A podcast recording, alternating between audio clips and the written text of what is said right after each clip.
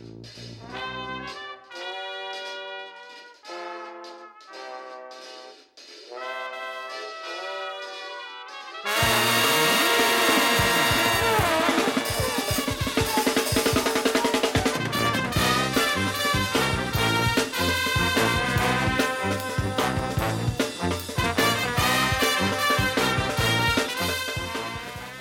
a chroeso i benod 75 o Sbeidiau Heilog gyda fi, Llywyd Owen a fi, Lee Jones, lle byddwn ni'n rhoi sylw i'r pethau bach sy'n gwneud gwahaniaeth mawr i ni yn ystod y cyfnod hollol honco hwn.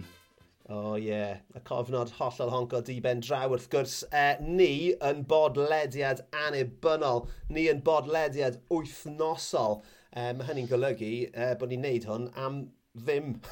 e, so, os ych chi eisiau helpu ni, gallwch chi wneud hynny trwy rhannu ein negeseuon ar y Twitters neu ar y... Uh, ar, uh, well, unrhyw le ar y cyfryngau cymdeithasol, really, ein dilyn ni, ein hoffi ni, um, ysbeidiau hei pod ar Twitter, ysbeidiau heilog ar Instagram, a mae'r holl wybodaeth ar y link tree sydd ar ein cyfrifon ni yn dyweli. Um, dwi'n meddwl, nes i gymryd off am sbel, ti'n gwybod? Achos nath, uh, nath Elon Musk bygwth uh, blocio cyfrifon oedd yn uh, hysbysebu gan gynnwys defnyddio linciau Linktree. So Dwi'n meddwl nes i gymryd e ffwrdd, ond, oh. um, ti'n bod, falle na, falle na, ti'n bod, dweud fuck off Elon Musk a roi'r ddolen o feri. Ond os ydyn ni'n diflannu oddi wrth Twitter, dych chi'n gwybod yn union beth sydd wedi digwydd. Yeah. Well, um, yeah. So gawn i weld. O, oh, wel, pwysa mawr, pwysa mawr. Um, right, mae gyda ni West there. Take it away. Yeah, baby. Yn ymuno gyda ni ar y benod yma, mae menyw dalentog T hwnt pen cerddor ar y piano, cyfansoddroig sydd mor gartrefol yn y byd clasurol ac y mae yn chwarae jazz ac yn creu cerddoriaeth electronig ac ambient. Ar ôl ganol Prifysgol Leeds gyda gradd dosbarth cyntaf, mae hefyd wedi cael gradd meistr mewn cyfansoddi a chynhyrchu o Goldsmiths yn Prifysgol Llundain. E, mae'n rhyw cerddoriaeth trwy labelu amrywiol gan gynnwys Ica Ching a Playbook – a gallwch chi chlywed yn cyd chwarae ar albwm ardderchog Sowel New ac hefyd gyda'r gantores Arobryn Mared. Mae hi wir yn thrill i roi croeso mawr i'r pod i'r berdone gwraig heb ei hael o fangor, Gweno Morgan. Helo. Helo. Ti'n beth wedi cael dy alw yn berdenog wraig heb ei hael? Um, Dwi'n meddwl, o'n i am ddeud, mae yna rhyw ansoddeiriau fanna, dwi'n rioed i gael. Wel, ti'n gwybod be? Pe per doneg, wyt ti wedi clywed y gair per doneg? Gwenon, Ali, un o'n chi wedi? Achos mae'n. Mae'n swnio fel... Paid gofyn i fi. Mae'n swnio fel ffwys. Wel, ie, yeah, na'n pedolig. Gair posh am piano, yw e? Oh. So, so, ie. A fi jyst yn cofio fy nhad i'n galw fe'n Berdoneg. Um, a ie, yeah, mae wedi i stico yn fy nghofi, ond ie, yeah, dyna ti. So ti'n ti ti ti ti ben cerddor ar y Berdoneg. Um, Sut ti'n dweud e, Llwyd? Be fi yn hoffi gweud e, sori. sori. A mae'n mae mae wir yn thrill i dy gael di yn cadw cwmni i ni heno gweno, achos um, fi'n meddwl bod fi'n iawn i ddweud li Taw, dyma'r tro cyntaf i un o'n gwestai ni, mae wedi bod yn rhywbeth nes i ddewis fel y peth sy'n neud fi'n hapus yn y gorffennol. Ydy hwnna'n wir? Ie, yeah, ie, yeah, dwi'n yeah. meddwl, ie. Yeah. Mae hwnna'n gwneud lot o synwyr, achos ni byth di, tymod, cyfweld a bake na tentacles. um, so ie, yeah, dwi'n meddwl falle hwn yw'r tro cyntaf. Ie, ie, ie. So, y rheswm nes i ddewis, wel dim, nes i ddim dewis Gwen, nes i ddewis dy EP gyntaf di cyfnos. Nath ddod allan, os dwi'n cofio'n iawn, mis Mawrth neu Ebrill 2021? Ie, yeah, na fo, um, mis Ebrill 2021. Um, Dyna. Ie, yeah, yn, yn gyntaf, diolch y galon am gael fi mlaen. Dwi wedi bod yn fan mawr o'r podlediad. Um, ers, ie, yeah, ers dwy flynedd bron. Um, mae hwn i gyd yn wir. Dyn ni ddim wedi talu dim byd am hwn. Dwi'n fan mawr iawn o bodlediadau anyway. A man, i fi, mae'n anodd iawn ffeindio'r rhai yn y Gymraeg sy'n eitha entertaining. So. Yeah. Oh, yeah. Wel, pan ti'n ffeindio un, gadw ni o blant. Oh, Edwin, So os, os, os cyn, bod ni'n mynd mlaen at uh, pethau pwysig uh, yn, yn, yn, yn, yn bywydau ni, uh, Gwen, o'n i'n dy fywyd di hynny hyd yn oed. Um, a ni jyst eisiau rhoi bach o sylw i cyfnos, cos fi'n absolutely caru fe, reit? Uh, ar y pryd, nes, nes i rand o nôl ar y benod, uh, penod um, 8 yw i gyda llaw, os oes unrhyw un eisiau mynd nôl a gwrando arni am son i'n sôn am dy EP di. Uh, o'n i'n gweud uh, yn ystod yna, bod, bod, bod fi'n teimlo ambell waith bod fi'n dod ar draws artistiaid sydd yn ysgrifennu ac yn rhyddhau cerddoriaeth jyst i fi. A mae dy EP di yn ticio loads o flychau cerddorol i fi ar lefel bersonol. Um, modern classical, solo piano, jazz, cinematic, ambient, electronica, dos helaeth o saxophone. Uh, I mean, o'n i just fel na, o'n i like, yes, dyma hi, fi'n absolutely caru hwn. Um, mae, mae, mae hefyd yn, yn, yn un dwi'n troi eto yn aml ar fod y dydd syl. Mae'n absolutely berffeth o ran uh, amser mae gen i ben mae'n mawr a dwi eisiau jyst rhywbeth hyfryd i leddfu'r boen. Um, so ti'n gallu gweithio ni ychydig bach am fel, ti'n modd, siwt nath yr EP ddod at ei gilydd, pam uh, neu, neu to, o ble dath y, dath y diddordeb, ti'n ti amlwg yn, uh, yn chwarae'r piano i lefel uchel tu hwnt, ond ble dath yr, yr, yr, yr, yr, yr electronic, yr ambience, y stwff fel na o? Ie, yeah, um, uh, diolch am y geiriau lyflu ar yeah, y gefnogaeth gyda'r gerddoriaeth. Um, dwi, dwi, meddwl, dwi wastad wedi bod yn, dwi wedi bod yn berfformraig um, ar y piano ers o'n i ryw ddeg, a dwi clasurol ydy'r prif math o gerddoriaeth ges i um, olwg mewn iddi ers hynna. A wedyn ers i fi fynd i'r brifysgol um, yn Leeds, ges i olwg mwy i'r byd jazz a just cyfarfod lot o bobl oedd o fewn byd um, cerddoriaeth fwy na glasurol fel pop a jazz a ges i lot o gyfle i chwarae gyda bobl eraill, a um, yeah, just e, ystod eang o gerddoriaeth. A wedyn ges i gyfle yn y mlwyddyn dramor yn y drydedd flwyddyn hefyd i fynd i Texas, um, ac oedden nhw'n arbenigo mewn jazz, felly ges i brofiad anhygoel drwy hynna, um, a ges i athro ffantastig um, yr enw Joseph Banfet, um, nath digwydd bod farw blwyddyn dwytha. Um, a, ond nath o helpu fi'n fawr o ran jyst y chwarae, ond hefyd agor y llygyd i, i bethau gwahanol hefyd. Um, ac oedd gen nhw yn y brifysgol yn fanna, oedd gen nhw um, uh, Department Jazz, un o'r rhai mwyaf um, yn y byd dwi eisiau dweud. A E, er bod fi ddim yn chwaraewr jazz, piano, um, yn, yn dda o gwbl, oedd o jyst yn cool cael clywed um, yr holl gerddoriaeth yma, chwarae gyda nhw, a ie, yeah, a wedyn nath lockdown ddigwydd um, everything went um, awful, ag ie, yeah, ond nes i amser wedyn, dwi wastad wedi bod efo diddordeb gwrando ar gerddoriaeth cinematic a soundtracks, um, Hans Zimmer ydy'r un amlwg, ond jyst gymaint o bobl eraill. A o'n i'n meddwl, reit, mae gen i'r amser yma wan, be fydr yn neud, um, o'n i'n treulio'r rhan fwy o'r amser cerddorol yn perfformio i bobl eraill yn yn amlwg wrth wneud hynny. Felly, ie, yeah, nes i just eistedd lawr a dechrau ffidlan a falle a um, sgwennu rhywbeth ddim necessarily rhywbeth sy'n ni'n eistedd lawr a licio gwrando ar, ond hefyd yn... Dwi'n yn gwybod, nes i sgwennu rhywbeth, oedd o fel dyddiadur emosiynol i fi, dwi'n meddwl yn ystod y lockdown, fwy na'n byd. Um, oedd o jyst yn, dwi'n mynd efo geiriau o gwbl, felly o'n i'n gallu um, expresio fy emosiynau drwy jyst sgwennu um, y gerddoriaeth yna. Felly, ie, yeah, dyna... So, so, so siwt nes ti, o ti'n gweud bod ti yn, yn, yn, yn recordio uh, yn ystod uh, cyfnodau clo, mm-hmm.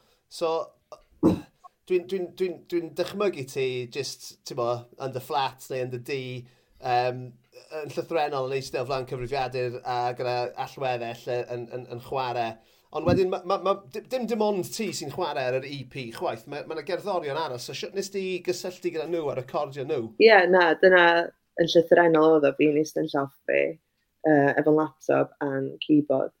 Um, mae gennau i un ffrind um, saxofonydd jazz anhygoel, nes i gyfarfod yn Leeds sefyd, uh, Henry Weeks. Oedd o yn byw yn Berlin ar y pryd, so nes i ofyn i fod o dar um, un o'r treciau. Um, a wedyn, so nath o anfon, recordio fo yn Berlin a ganfon o draw i fi. Um, mae gennau ffrind i George yn chwarae drymiau arno fo, mae gennau ffrind i Lara sy'n chwarae viola. Um, a dyna beth sy'n gret, de, fel, dwi'n meddwl ers lockdown, mae'n just fel uh, chwa bobl di... Mae'r ma, ma, ma ffordd mae'r music yn cael ei greu di newid bron um, mewn blwyddyn, a hmm. chi jyst yn gallu neud o o rwle. Um, chi'n gorau bari lot o bres yn mynd i'r stiwdio neu be bynnag. Um, a, a mae'n hanfodol bod chi'n gallu, bod gennych chi'r gallu i recordio chi'n o, o gartref hefyd. Bendant, bendant. Dwi di, dwi'n meddwl nes i neud mwy o gysylltiadau um, dros cyfnod clo na dwi wedi wneud ddim am cyfnod clo um, sy'n really cool a, ia, yeah, lwcus iawn. So, ti'n ti, ti gynhyrchodd popeth te.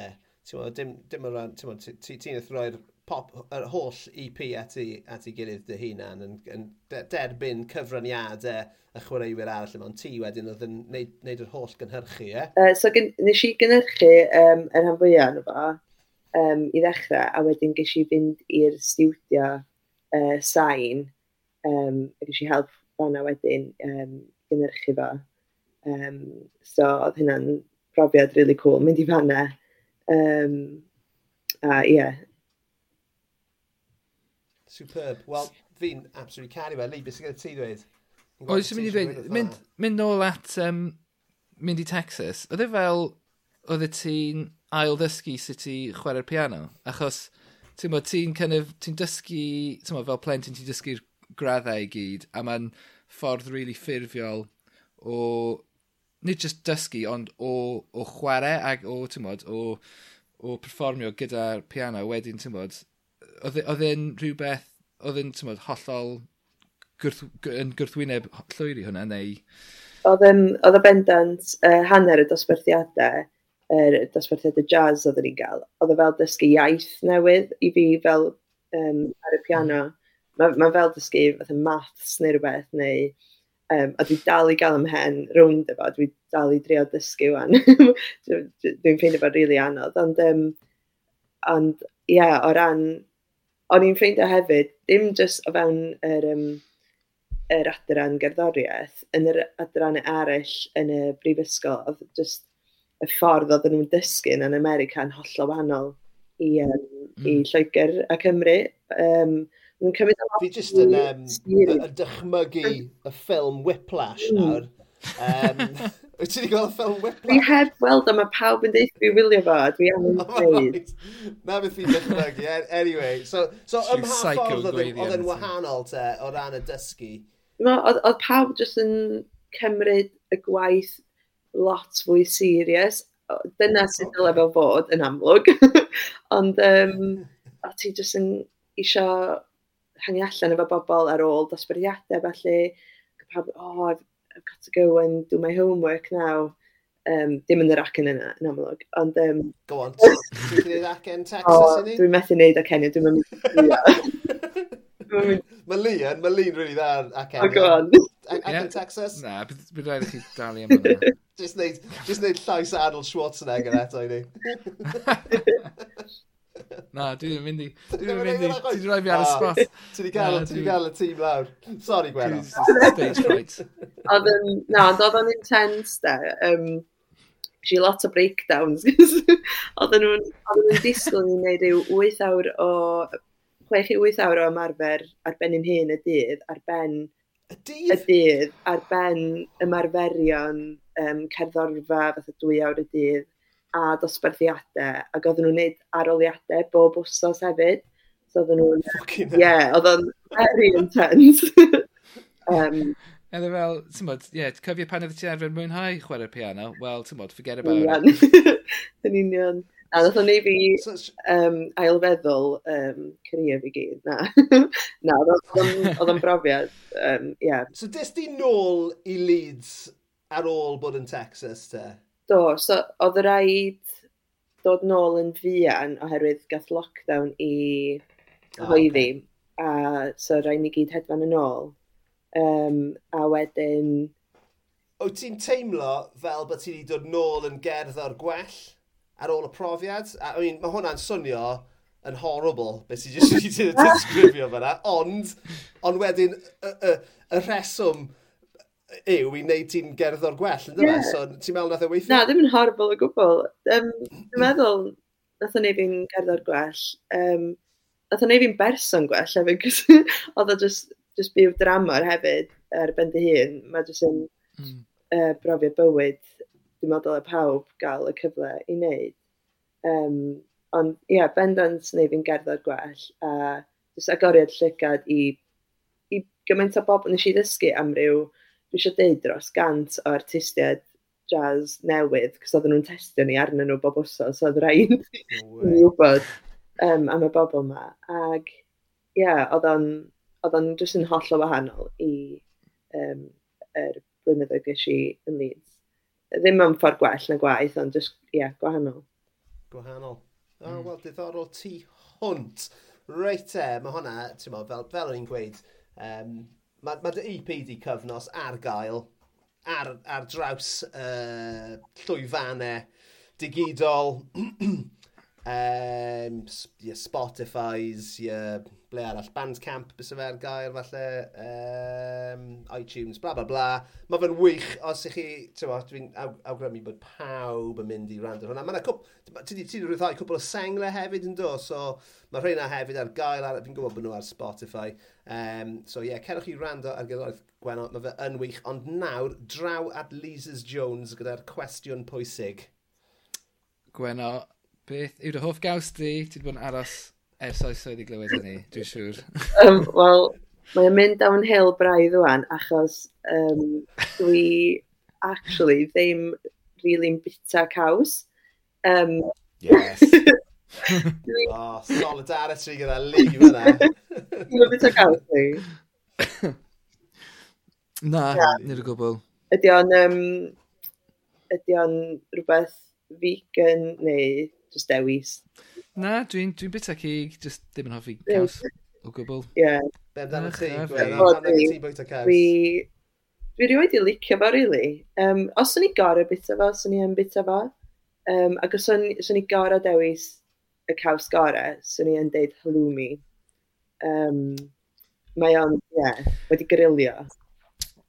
Ie, yeah, mae'n rhaid i ni, yeah. mae'n rhaid i ni feddwl, ydy, ydy halloumi yn, yn gaws ddo, ti'n gwybod? Achos mae ma, achos ma mor wahanol i gaws normal. Well, Ti'n gwybod? Shut, shut up, Mr. Sain bwyta caws. Ydy, mae Halloween caws. Beth ti'n trio gweud? Wel, mae'n gwestiwn da. Sy'n awdurdod. Sy'n awdurdod. Dwi ddim yn tyfu. OK. Rodi, Rodi unrhyw gaws yn y byd o dan y grill. Beth sy'n digwydd iddo fe? Mae'n tofi.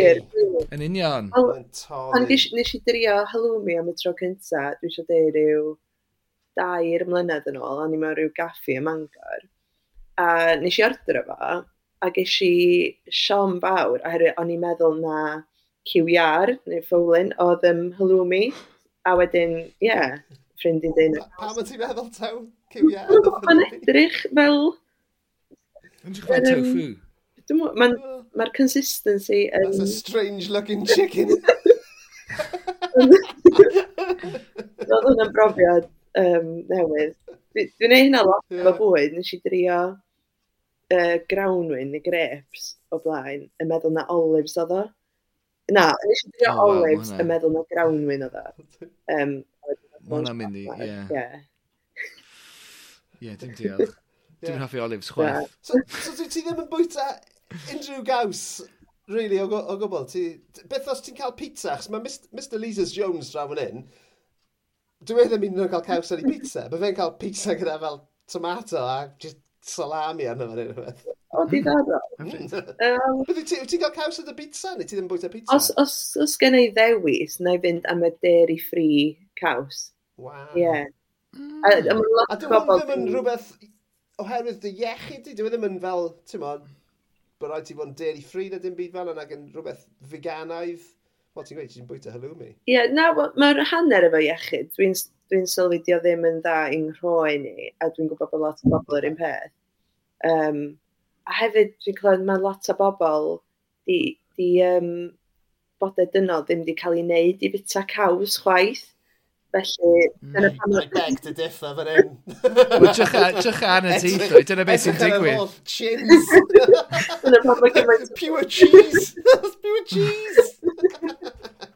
dyna pan mae gymaint o bobl yn lactose intolerant, oherwydd mm. cael ei wneud i, i, i fita caws gan, um, o, llai sydd yn oed, gan drwy wartheg, ond... Um, so, yeah. okay. A fydde ti yn bwyta mwy o gaws sef yn cael ei wneud gan y llaeth y fenyw ddynol? Yswn. Yswn. Oh, okay. Na gwestiwn. A fi. A fi'n bwyta loads yn barod. Beth ti'n cael yn ogystal â hynny, felly? Oh, no, nid, nid mewn lle. Ar ben caws. Uh, top that with a bit of uh, a bit of mother's milk, please. Cinco, forget your quattro formagios. We're talking cinco formagios. O, oh, mam bach ni wedi plymio i'r dyfnderoedd ymddiheiriadau. Mae wedi bod yn spel, mae wedi bod yn spel hir ers ni fynd i'r fath le yn dod llwy, so ie. O, oh, diolch Anol. Wel, I mean, mae'r cwestiwn nesaf, fi'n fi, poeni nawr, bod dim cheese graters gyda ti yn y tŷ hefyd, ydy yna wir? Wel, dwi'n meddwl, meddwl bod gennym ni un, da ni newydd symud tŷ, felly da ni dal heb lot o stwff yn y tŷ, ond dwi'n meddwl bod gennym ni cheese grater, dwi eisiau dweud. Wel, well, fi'n falch bod gen i, jyst rhywun gofyn, bod rhywun yn troi lan sydd. Ie. OK, OK, reit e. Y cwestiwn olaf sydd â ni am uh, bethau ni'n bwyta yw... Uh, beth yw... Ti wedi gweud bod ti wedi byw yn Texas am flwyddyn, so falle bod yna rhywbeth rhyfedd ar ddod fan hyn, ond beth yw'r peth mwyaf weird ti beth wedi bwyta, Gweno? Wel, mae o, i ddweud gwir, i wneud yn Texas, oedd o dydd... Ai diolch garwch di Thanksgiving yn Gymraeg? Yeah. Yeah. yeah. Garw, di, diolch garwch um, yn America. A uh, i'n i tu fy ffrind i yn Ohio.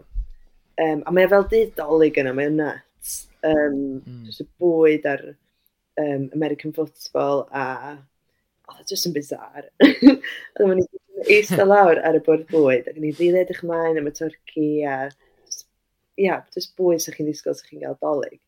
A wedyn dyma'r fam yn dod allan efo'r pryd a fwyd ma. A be oedd o? Wel, oedd o'n edrych fel cottage pie.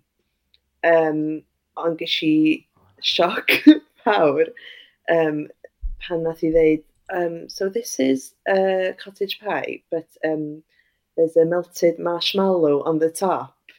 Um, bod o'n apparently yn bryd o fwyd normal yn fanna. Um, mi nes i drio fo, Ag, oh, ni'n methu dweud bod o'n effernol, ond oedd o ddim yn bleserus iawn. So gall, gallai just aros oedi am eiliad, gallai ni just, i just i gael hon yn, yn iawn. Mm. So ti'n siarad mincemeat a yeah. tomatoes a moron a winons. Mm -hmm. Caws a tato ar y top? Uh, tatws melus. Yeah. Okay. Am, am, am malws melus yeah. ar ben y tatws melus. Yeah. Yeah, mae hwnna'n fucking insane. Na'n weird. Sydd insane. Dwi'n dwi caru cig, ti'n bod, cig plaen. Yeah, tick. Love it. Dwi'n caru marshmallow, dwi'n caru pob dim sydd yn, ti'n bod, ddim. Love it. Ond na, nid yn yr un llynciad, dim diolch. Mae'n weird. Mae'n weird. So, a, a, so faint ges ti? Fes i gael un llwyed, a oedd hwnna'n ddigon i fi. Ti'n ti, ti tan o fi fel ferch gwrtais iawn, so ti just fel, mm, mm, yeah, lovely, dim hwnna'n, mm, nice, yeah.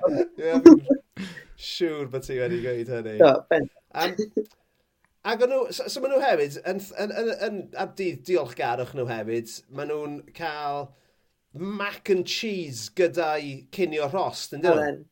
Gyda gravy yeah. a pob dim, ie. Yeah, be, yeah, Eto, be, be yn y byd maen nhw'n neud? America de. America. Hei, cyn, cyn bwyd, oedd rhaid, i, oedd rhaid i ti sefyll fyny o flaen pawb a dweud beth oedd y ti'n ddiolchgar am? Na, diolch beth. Ond um, oedd rhaid ni weddio, felly... Oce. Okay. O, mae'n ffain, achos pawb yn cael llyged, so ti'n... O, ie. Achos, ie, yeah, o'n, um, o'n i'n byw gyda... Um, o'n i'n byw gyda rhywun, oedd, oedd ei fam hi'n Americanraig, felly oedd hi'n gwneud diolchgarwch a dyma ni a loads o ffrindiau, rhaid yna ti a 15 ohonyn ni, neu falle 20 ohonyn ni, rown bwrdd anferth yma yn ein fflat ni yn, uh, yn Nwyrain Llundain. O, falle bron, bron i ddegawd yn ôl nawr. A ie, yeah, pob un ohono ni'n gorfod mynd rownd y bwrdd a dweud beth ni'n ddiolchgar amdan cyn i ni fwyta fo. Oh my god. Dwi'n eisiau dweud bod ti'n ddiolchgar am. O, oh, ddiolchgar am ffrindiau a gwyn. Dwi'n dweud fel yna. Siwr o fod. Ie, yeah, weird hwnna. Hwna, hwnna yw'r darn lleia weird am yr holl beth o, o glywed be o'ch chi'n gorfod bwyta. Ond, um, Reit e, na ni, na ni adael, na ni adael yr, yr, yr ochr goginiol ar ein holau fyna. Nawr, i unrhyw randawyr newydd sydd gyda ni ar y benod yma, nod y uh, podledydd yma, yw gofyn i'n gwestai beth sydd yn uh, gwneud nhw'n hapus, y pethau bach sydd yn gwneud nhw'n hapus. So, beth yw'r peth cyntaf ti eisiau cyflwyno i ni ar y benod yma? O'n i'n meddwl lot am y cwestiwn, erwydd mae o'n gwestiwn eitha eang, dydy. Um, mae yna lot o bethau yn ei fi'n hapus. Um, a nes i feddwl, ella bod y bach yn nish, ond mae yna ddosbarth um, ffitrwydd penodol um, ers i fi symud i Llundain, nes i ddod ar ei draws, um, yr enw One Rebel, a beidio ydy uh, dosbarth uh, gym class, um, boot camp o beth, fydda, really caled, a ydych chi'n dod allan yn chwysu bwcedi. Um, ond mae o fel bod mewn ar noson allan, mae'r um, goliadau i gyd yn dywyll a um, mae'r mae gerddoriaeth fatha sy'n chi'n mynd allan. Um, ond ie, yeah, mae'n mae rhoi yr, um, yr, yr effaith mynd allan, yr hau yna, ond chi'n cadw'n iach a cadw'n ffit a dwi, ia, yeah, mae'n... a dim, a dim pen penwen mawr boi wedyn. Ddim yn yfed, ddim yn yfed. um, ond na, dwi... Yeah, mae o sort of fel addiction bron, unwaith ydych chi'n dechrau fo. Um, mae... So, yeah. Mae lot o... Sorry, Lee. Ond mi'n mynd i ddim, mae lot o pethau yma, maen nhw fel cults hmm. yn dyn nhw, unwaith ti mewn, fel crossfit a pethau fel yna, mae pobl yn, like, ti'n modd, wel dyna ni, ti'n ti, ti stuck yna nawr, ti'n methu adael. Bendant, they've got me, so, yeah. they've got me. Ond um, na, mae'n ma really hwyl a um, be dwi'n licio hefyd ydy mae mor dywyll, so neb yn gallu gweld pa mor goch ti. So, um, mae gen ti'r instructors ma'n jyst yn gweiddi arno ti. So ti goro gweithio mor galed a ti'n gallu. A ie, yeah, mae jyst yn gymaint o stress relief a... So, so, so, sorry, gallai jyst oedi eto fyna, achos fel ti'n ti sylwi fi'n siŵr fi'n fi, fi, fi, fi eitha slow. Um, beth yw'r ymarferion ych chi'n neud? Ydych chi'n neud aerob, aerobics, fi'n gwybod bod rhywbeth allan o'r 80s fyna. pa pa, pa, pa, pa, wyt ti ar feic yw e'n hit workout, be, be chi'n neud? Yeah, so basically, fel hit workout, mae hanner y dosbarth ar treadmills yn neud sprints neu hill sprints, um, neu y thing mawr enw parachute, lle ti'n gorau pwysio'r treadmill dy hun gyda'r coesau i wneud treadmill symud a wedyn ti'n swapio, mae hanner um, arall y dosbarth yn mynd ar y llawr ac ar y benches a gwneud bach o bwysau a pethau fel burpees a falle a pethau fel la. Um, mae'n hefyd ddosbarthiadau bocsio hefyd sy'n mae hynna'n gret o ran um, cael y stres allan. Um, Bocsio? So ti'n ti, ti mynd i'r dosbarth, achos bocsio, dim ond, dim ond llon llaw o weithiau, dwi wedi, neud, dwi, dwi wedi paffio. Mm. A mae ma fe wirionedd wirioneddol un o'r pethau anodd e. Ddewch chi, just, achos, ar ôl fi'n lli cofio, ar ôl, ar ôl, ar ôl y wers gynta, a fi'n meddwl mae hanner awr oedd y wers gynta, ond sa'n meddwl ni'n i'n gallu codi fy mreichiau am tua dau ddwrnod ar ôl? Ie, yeah, no, serious, mae o'n... Mae, dwi'n modd yn neud y basics, de. dwi'n mynd expert o gwbl, dwi wedi gwneud cwbl o ddosbarthiadau, ond mae'n rili'n really cael o allan o dy um, dy gen di a dy freichiau di. A, mm. um, alla bod o ddim yn gret i'r dwylo, mae dad wastad fel, dwi'n mynd deitha fo dim mwy, cos mae fel, oh, gwatio dy dwylo. Oh, yeah. Wel, ie, dy, dy ddwylo di yw dy, ti'n mo, dy docyn di at uh, ddyfodol llywyrchus, ynddo dweud? So, ie, yeah, mae'n So, just, just dechrau o pobl yn lle, ynddo fe? Yeah. Ffordd i wneud i. Ond ie, nôl at y, nôl at yr, um, at y, y, y dosbarth Wel, fi, I mean, fi dal yn convinced bod ti just yn mynd i glwb nos, ond...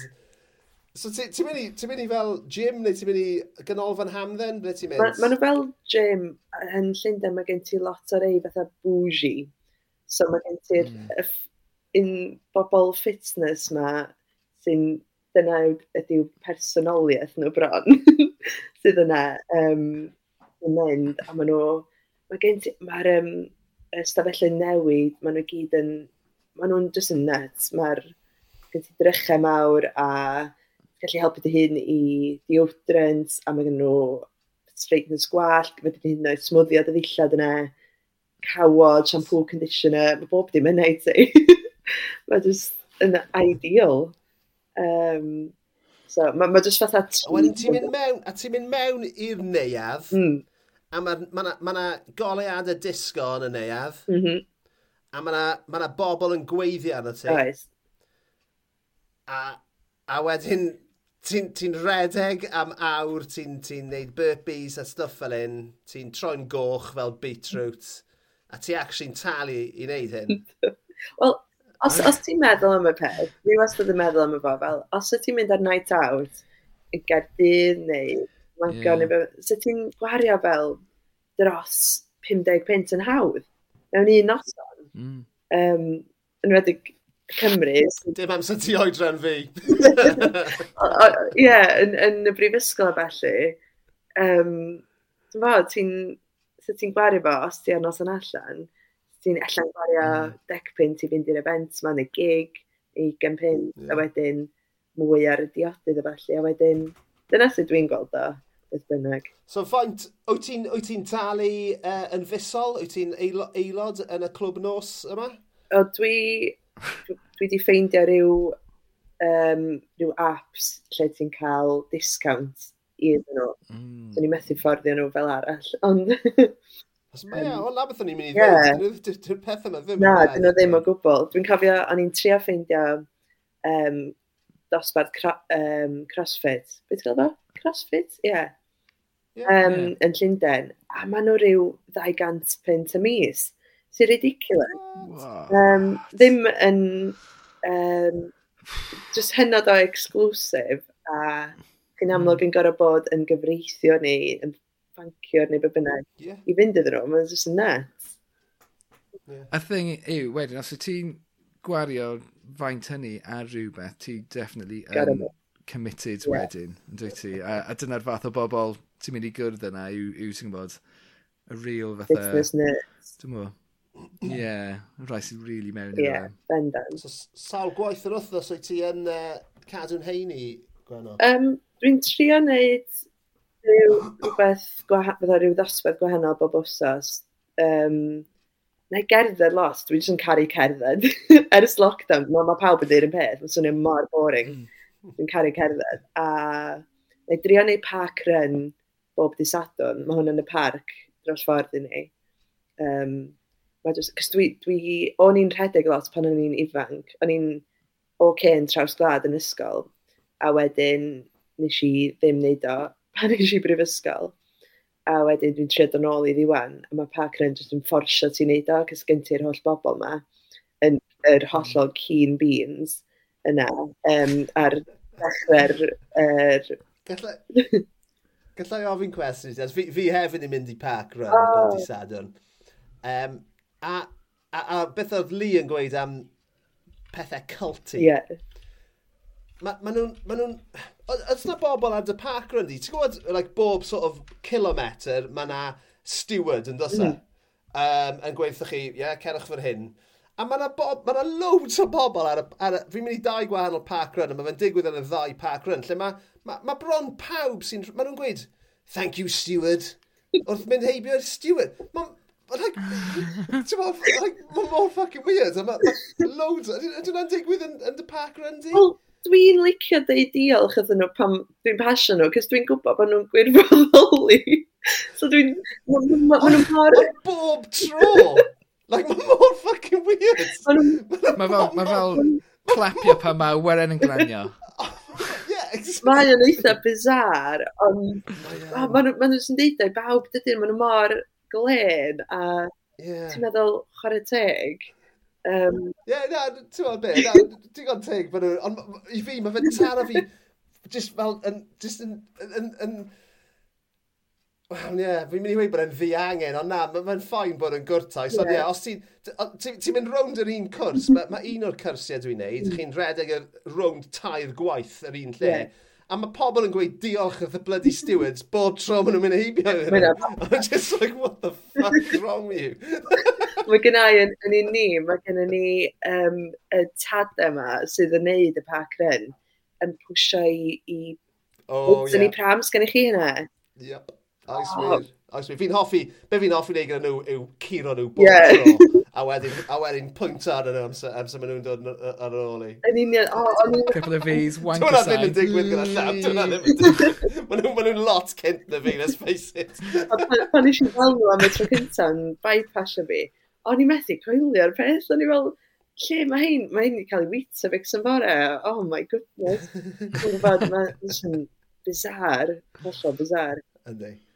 Ydy. Athen, um, ma, ma, o, yn amlwg, ni'n ni, ni, ni ni recordio hwn y mis Ionawr, a mae wedi bod yn lib tu hwnt yn dewi dros mm. y hmm. pethefnos tair wythnos diwethaf yma uh, dros y wlad i gyd. Ti yn Llundain, Leon, Whitley Bay a fi yng Nghaerdydd, mae'n steg etch. A, a, a is i, is i park run wythnos diwethaf gyda fy ffrind i uh, May T. cornel, shout out i May, fi'n gwybod bod e'n gwrando. Uh, oedd hi mor lib, uh, ar ddiwedd y park run, amser ath mei gartre a tynnu ei uh, sgidiau rhedeg, ond na maggot yn y sgidiau oh. Ach, fi. Oh, na. Oh. Yeah. So, na ni, stori arall am Meiti Cornel. Oh. Sorry, mei. yeah, maggots yn yma. I mean, oedd e'n... Oedden nhw yna, oedden nhw yna eisoes, nid y tywydd oedd yna. No way, come on. Fi'n meddwl taw just, just i, uh, i dwtsis uh, e sy'n edrych fel maggots. Ond ie, so, so ti'n neud park run, ti'n mynd i glwb nos i wneud ymarfer corff am ryw reswm, ni ddim gweith, ni ddim wedi gweithio allan. Um, Ydy'r ymarfer corff yma yn helpu ti, ti'n timod, uh, gyda, ti'n timod, ni, ni, ni yn hoffi trafod pethau fel iechyd meddwl o stwff fel hyn. I mean, fi'n fi cael lot o fydd um, allan o, allan o marfer corff. Mae ma wirioneddol yn helpu fi, um, uh, ti'n yn bersonol, yn emosiynol. Uh, ti'n ti gweld yr un fath o buddion, manteision? O, no, bendant. I, um, fel ti, i, i fi mae o fwy um, yn rhywbeth meddyliol ac yn helpu um, jyst i gadw yeah, y pen yn iawn fwy na'r corff yn iawn. Um, yeah. yn, a dwi'n gwybod bod, bod o'r un peth i gymaint o bobl. Um, mae o yeah, mae, di, mae chwaraeon wedi bod yn rhan o bywyd fi ers erioed. O'n i'n um, nofio yn gystadleuol am blynyddoedd pan o'n i'n llai. A wedyn, mae o just... O'n i gorau dewis rhwng...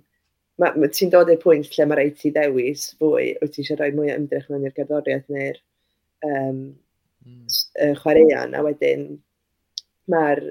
Ti'n gorau ffeindio'r amser wedyn i ffeindio'r pethau sy'n cadw dy feddwl di'n iawn falle. ie. Yeah. Um, yeah, ni'n mynd drwy gyfnodau, lot o gyfnodau um, blynyddoedd dwytha o just teimlo i iselder a falle a anxiousness am mae o jyst yn helpu gymaint o ran hynna. Um, a, ia, a dwi'n gwybod bod o'i gymaint o bobl am A dwi'n meddwl yn, yn y blynyddoedd dwytha hefyd, mae o, mae chwaraeon a jyst mynd i'r gym a falle di, di newid um, mae, mae gwedda bobl di newid um, o ran ffitrwydd. Mae, mae bobl yn neud o fwy i helpu lles meddwl dydy na. Edrych na. Mm. Gadw, mae o'n gret peth gorau i gadw ffit hefyd, ond ie. Yeah. Yeah. Ti erioed yn stryglo i cael dy hun allan o'r tŷ, felly?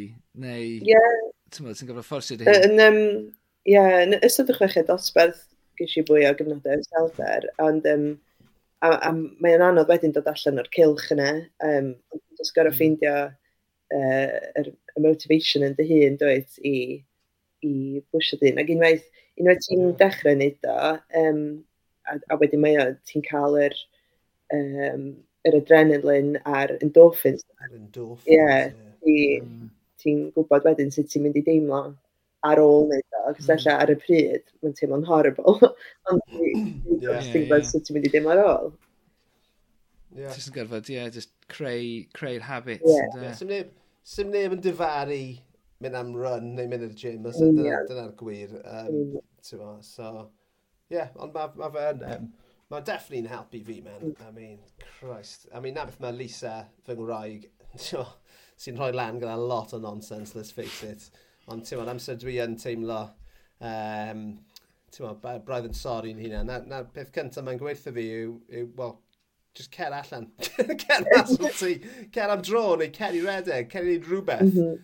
A beth ti'n teimlo well. A ti'n meddwl, sy'n meddwl, yn, yn aml dwi ddim teimlo fel neud e, ond mae'n iawn bod tro ti'n ti teimlo well. So, uh, mm. so yeah, cadwch, cadw'n heini, definitely yn beth da. Ac, um, yeah, So uh, dyna'r peth cynta. I mean, loads, loads fyna, loads i, loads i fad bacio yn y sgwrs yna, chwer y teg. Um, ond ni yn gofyn un gwesteion i gyflwyno dau beth. Nes ti wedi ar y top, ac gyda ti loads o bethau sy'n neud ti'n hapus. So beth, beth yw'r ail beth ti'n ei dewis? Um, so mae sort of yn cyd-fynd gyda hwnna bron. Um, dros y cyfnod clo, nes i ffeindio, pan oeddwn ni yn cael mynd allan, um, nes i ffeindio yn hyn yn mynd i nofio um, un yn y môr neu yn y llyn, neu mewn dŵr oer, um, yn aml. A mae'n ma, ma swnio fel rhywbeth really smug ac dwi'n eisiau bod yn un o'r bobl na, sy'n fel, o, Dwi'n mynd. Dwi'n mynd. Na, ti yn y lle iawn. Ti yn y lle iawn. Hwn yw'r podcast mwy o smug dwi'n gael. Wel, dwi'n mynd mewn i'n môr a dwi'n hollol smug amdano. Yeah. So, dwi'n offi... Gedi just sôn am y buddion. Mr Smug, so go on. yeah, mae just ddim byd yn cymharu fan agos. Fel, just... No. Mwyaf yn y misoedd oer hefyd. Um, just neidio fewn i ddŵr oer, oer, neu um, dwi'n cael cawodydd oer bob bore hefyd, a... Oes, commit, commitment ar teg. Mae Mae'n just lot o benefits um, iddo fo, ond ie, yeah, mae o'n... Mae'n rhywbeth just... Ti'n methu cymharu'r teimlad, a ti'n methu disgrifio'r teimlad um, sydd mae'n neud ti ddim ond o'n i'n di dechrau mynd i'r um, i'r Lidos um, yn, yn Llundain. A um, gen ti... fwy... Pa'n sydd agos i ti? tŵtig di'r un um, agosaf Brixton, un fi. Oh, okay. um, nes i ddechrau mynd ym mis hydref ac o'n i ddim yn disgwyl bod fod mor oer a hynna. Ac o'n i'n meddwl bod fi'n, o'n i'n licio meddwl bod fi yn oce okay, gyda dŵr oer, ond oedd gen ti bobl yna neu lengs a lengs a lengs fydda sesiwn no, mm. nofio normal nes i wneud dau length, oedd rhaid i ddod allan, oedd yn wylau, just mynd i ddisgyn off a, a falle, ond, um, ie, yeah, na, dwi'n bo, mae ma o'n, mae dal yn, ie, yeah, mae'n neud efo chwaraeon eto, ond...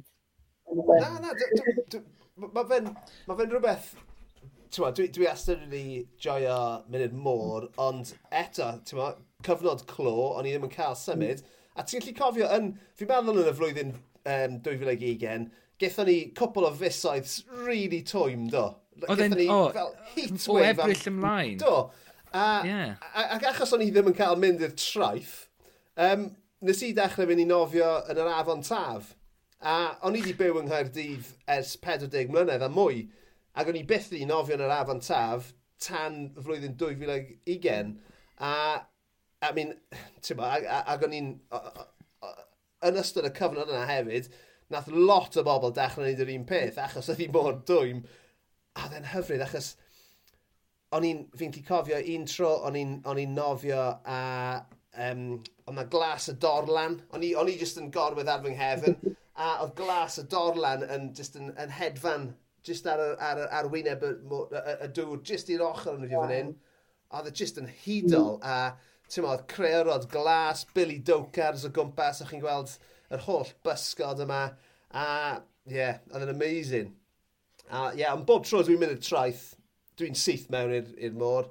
Hyd yn oed, hyd yn oed gyda'r holl... Um, Syntr gyda'r holl lygred sy'n cael ei bwmpio mewn. Woohoo, let's go! Fi dal yn mynd mewn. Dwi'n dychmygu bod yr afon taf, yr afon, di'n lan, di'n dion eitha... I mean, dwi e ddim y glana, ti'n iawn, ond um, Ie, yeah, ti'n gwybod be, right? So, so cer, cerdi nôl i'r, um, wel, cerdi nôl hanner canrif a oedd broedd dim pysgod yn byw mm. yn yr afon taf, achos, um, achos o'r holl lygredd o'r pyllau glo. Um, ond wedyn ar ôl, ti'n ar ôl i'r pyllau glo gau, um, mae'n ma sicr yn lanach. I mean, mae'r ma, ma, ma, ma, ma ffaith bod glas y dorlan a bod dyfwrgwn a creu rods yn, yn, yn pysgota fyna, mae hwnna'n brawf o pa mor lan yw e. Ond mm. cerdi nôl i'r 90au, e, amser o'n i yn, yn, yn, yn ysgol Glan Taf, sydd ar lanau yr afon Taf wrth gwrs, um, fi'n lli cofio bachgen o fy nosbarthu yn mynd i nofio yn yr afon taf un diwrnod poeth a yn cael Wheels disease, sef um, afiechyd i chi'n cael o pisio um, llygod mawr. Neis. Nice. Ond, ti'n So mae hwnna, ti'n bod, beth, beth yw hwnna, 30 mlynedd yn ôl, ond erbyn hyn, ie, yeah, mae ma, ma fe'n, ti'n bod, mae'r... Ma, ma, ma, y, y broblem yw, fel sydd yn, yn broblem yn yr holl dreithau, yw sbwriel, reit? So, so mae'r ma mm. ma ansawdd y dŵr, mae'r dŵr yn glir ac yn lan, ond ar y ochrau, ar glanau'r afon, mae ffocin afiach. Mae yna sbwriel, a mae'r un peth yn wir, ar treithau De Cymru, mae ma, ma, ma ma fe'n wahanol. Dwi'n dwi, dwi treulio lot o amser ar Ynys Môn achos teulu fy Ngwraig, a mae'r treithau fyna yn wel, can gwaith glanach na'r treithau lawr ffyr hyn. Ond, ti'n Mae'n odd ydy, sy'n ma, ydy ei wneud efo bod, ie, yeah, mae rhaid bod o'i wneud wrth dinasoedd bod yr y llygredd, ie, yeah, yn yeah. bod nhw'n bod yn... Cymaint mwy o bobl fan hyn, a, a just, ond, ie, yeah, mae'r... Ma os, dwi'n dwi, cerdded lot wrth, wrth yr afon taf, uh, ar y llwybr taf, a uh, mae'r ma, afon yn uchel iawn ar hyn o bryd, a nawr rhwng bythefnos, os, by, os bydd y glaw yn peidio nawr, a wedyn bydd y lefel yn mynd nôl, ond bydd e'n gadael mm. gymaint o sbwriel ar y, lan, ar y glan mm. eto. Mm. Mae'n yeah, ma really depressing, i fod yn onest. Un peth da. Ti'n methu hyn yn oed beio'r Tories yma na? Na. Un peth da am hynna. Mae'r newch chi'n cael lot o dwristiaid, wnaeth nhw i gyd dod at y, y llefydd glân i gyd, yn Ys Môn o falle. Yeah. yeah.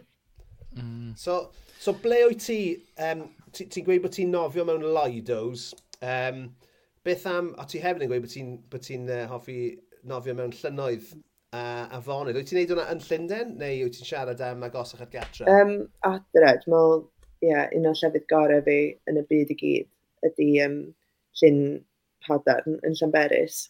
Um, o, mae jyst yeah. mor, mor, mor hyfryd. A... Nag hynny'n oer? O, oer, um, yn y geiaf, um, hewi. Um, ond mae jyst, pan, yeah, pan eidi yn y geiaf, does na neb o gwmpas, um, a mm. ti, ti yn y dŵr, a ti'n teimlo bod ti jyst ar ben dy hun rhwng y mynyddoedd yma, a mae jyst yna. So, so lle ti'n mynd i'r dŵr yn Llyn Padan? Oh. Fyny'r top neu lawr wrth y goeden? Um, na i fynd... Mae ma gen ti jetty ar un ochr y llyn, ond os gen ti ochr hmm. arall wrth yr heilffordd, um, gen ti lot o gerig mawr fanna i fynd fewn. Um, a na i fynd, mae gen i fel rhyw boi bach, os na i fynd i nofio'n bell. Um, Dwi'n tynnu hwnna fo fi. Um, Dylwn ni os, os ti'n mynd i nofio, dyle ti fynd efo rhywun, really. Ond um, mae'n neis hmm. mynd y hun a, Yeah, ti'n So ti'n, ti, I mean, dwi, dwi ddim yn mynd i nofio yn y gwyllt mm. uh, yn y geiaf. Fi'n gorfod fi, ti'n meddwl, fi'n city softy boy fan hyn, ynddo fe, ond uh, ti'n amlwg yn mynd uh, yn, yn, y geiaf hefyd. A lle, lle yw'r lle oera ti di nofio, ti'n meddwl? Um, cwestiwn da. Dwi'n Dwi eisiau deud Llyn Padarn yn mis chwefro'r blwyddyn dwytha, oedd hwnna... Yeah, that'll do it. Oedd hwnna'n hewi. Um, na, so ni'n licio deud rhywle fel Antarctica, neu, ie, yeah, ond um, dwi erioed i bod fan. Na, fi'n siŵr bod uh, Llyn Padarn yn mis chwefror yn teimlo fel Antarctica. Yeah. Un cwestiwn, wyt ti wedi gweld the, the, the Merthyr Mermaid ar yr iPlayer? Dwi heb, na dda. O, oh, ar ôl i ni recordio hyn, mm. os, os nag os unrhyw beth all ti ti'n neud, gwylio fe, um, fel rhywun sy'n caru um, nofio yn y gwyllt ac yn yr oer fel, beth ti beth ti ddim yn gallu credu beth ti'n gweld, right? Hanner, mm. hanner awr o, o raglen yw i. Mae'n anhygol be mae hi'n neud. Mae'n rili really yn wefreiddiol. A mae hwnna'n yn mynd i'n gwrandawyr ni gyd. Os chi heb gwylio'n Myth and Mermaid, gwyliwch e, yma ar iPlayer. Mae fe yn ysbrydoledig tu hwnt. Sgwennu hwnna lawr reit o'n. do it. And, uh, ah, a dyna, briliant man, briliant. Um, cyn bod ni'n uh, ffarwelio a ti Gweno, um, ni'n hoffi rhoi bach o sylw i'r gwaith sydd ar y gweill. So beth sydd gyda ti i blygio? Um, beth sy'n be ni'n gallu, ni gallu edrych mlaen at e, uh, EP neu LP neu beth, beth sy'n sy dod nesaf wrth y ti? Um, mae genna i drac dwi wedi bod yn gweithio arni um, gyda yr awesome Ivan Pritchard. Um, mae hwnna'n mynd i ddod allan yn fuan iawn gobeithio. Um, wedyn, be arall gynnau? Mae gennau gig yn Llundain mis nesaf. Um, ar y 21, os di rwy'n digwydd bod yn Llundain, um, Next Door Records yn Shepherd's Bush. Um, Be, pa fath o gig yw e? Ti'n gwneud gig solo neu beth be, be ti'n uh, yeah, so gig chwarae cerddoriaeth fy hun. Mae gennau fand efo fi, um, drymmer, beisydd, a um, string players. Uh, so bydd hwnna'n eitha neis. Mae'n le eitha intimate a... Um, yeah, so bydd hwnna'n cool. Uh, just bod yn marfer am hwnna. Um, a wedyn, mae mis mawrth am fod yn fus eitha uh, prysur, dwi'n meddwl. Um, mae yna gig uh, gyda'r cyddorfa'r BBC ym Hontio, uh, gyda noson Sian Eleri. Um, dwi'n cael chwarae um, ar y noson yna. Fydd yn uh, exciting. Um, so ti, wedys ti bod ti'n chwarae gyda cerddorfa'r BBC yn os yna? So byddai'n chwarae set fy hun yn yr hanner cynta, a dwi'n meddwl bod fi'n cael ymuno gyda'r gerddorfa i chwarae uh, lot o pop songs gyda Wayne Roberts. Um, so, ie, yeah, mae fath o braidd wedi fi chwarae gyda y gyddorfa yna. So, bydd hwnna'n awesome. Ie. Yeah. Wyt ti... Wyt ti... Wyt, wyt, um, oedd ti'n rhan o gerddorfa yn dy arddegau ac yn tyfu lan? Uh, o ti'n ti yn y byd yna hefyd? Dwi, dwi wedi bod mewn lot o amateur cerddorfeidd amateur de. Um, chwarae telyn fwy na piano mewn cerddorfeidd. Ah, right, um, okay. Di, di, di piano ddim mewn lot o, ger, o gerddorfeidd. Mm. No, ni'n beth o'n i'n cwestiwn nesau mynd i fod i fod. Yeah. so ti'n Del Norris hefyd? Well, back in the day. Yeah. mae o adre wan, mae'r um, mae yna rhyw oh, 20 o, o'r tanau di just, di just mynd yn gyfan gwbl. Ni'n um, teimlo'n ofnadwy. Um, present gan mam gi oedd o. So dwi angen dechrau edrych ar ôl hwnna fwy.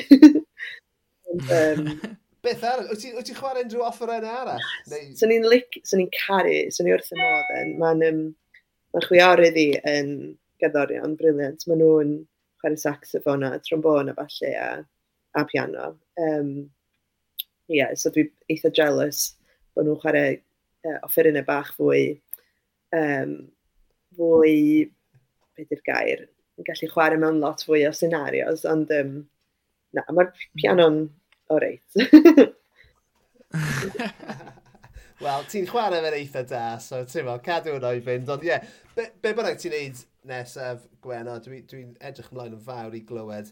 Um, diolch fil i ti am gadw cwmni ni. Mae wedi bod yn absolute hoot. So, ie, yeah, pob lwc gyda popeth a diolch, diolch yn fawr. O na, diolch yn fawr am gael fi ar y podcast a diolch am um, bostad bod mor gefnogol o fy stwffi. Mae'n rili really gwerthorogi.